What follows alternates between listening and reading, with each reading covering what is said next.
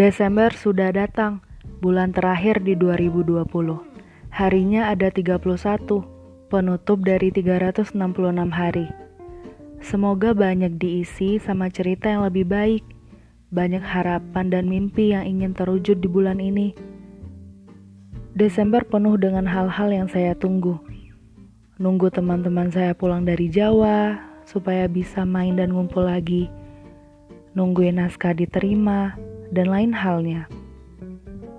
Bicara soal menunggu, semua manusia pernah menunggu, entah menunggu jemputan, karir yang lagi dirancang, pesanan yang sedang dikirim, atau jodoh yang belum kunjung datang.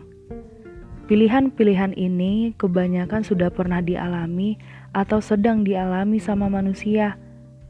Contohnya saya, saya sedang menunggu hal baik datang yang ceritanya sudah saya doakan kepada Pencipta.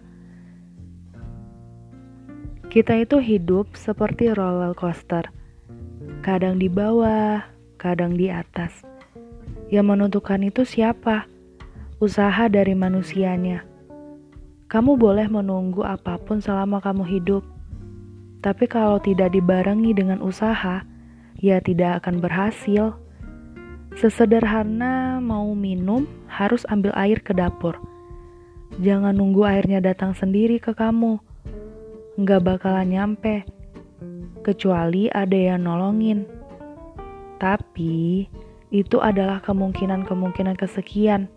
Jelasnya, kamu yang berusaha sendiri.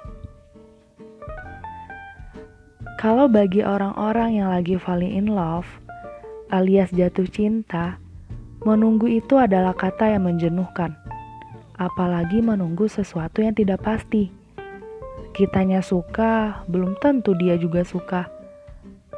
Atau meski sama-sama suka, kita masih dibebankan oleh kata menunggu. Menunggu siapa yang bakalan say hi duluan, ngajak ngobrol duluan, memulai duluan. Jadinya sama-sama nunggu karena gengsi.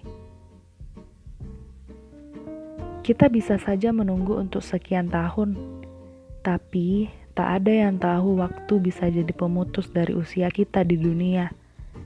Tak ada yang tahu berapa lama waktu kita di dunia. Jadi, ketika ada kesempatan atau tidak adanya kesempatan, katakanlah sesuatu dan lakukanlah sesuatu dalam masa tunggumu. Jangan menjadikannya sia-sia. Um, kalau kata Raditya Dika sih, penyesalan adalah hal-hal yang tidak kita lakukan ketika kita mempunyai kesempatan.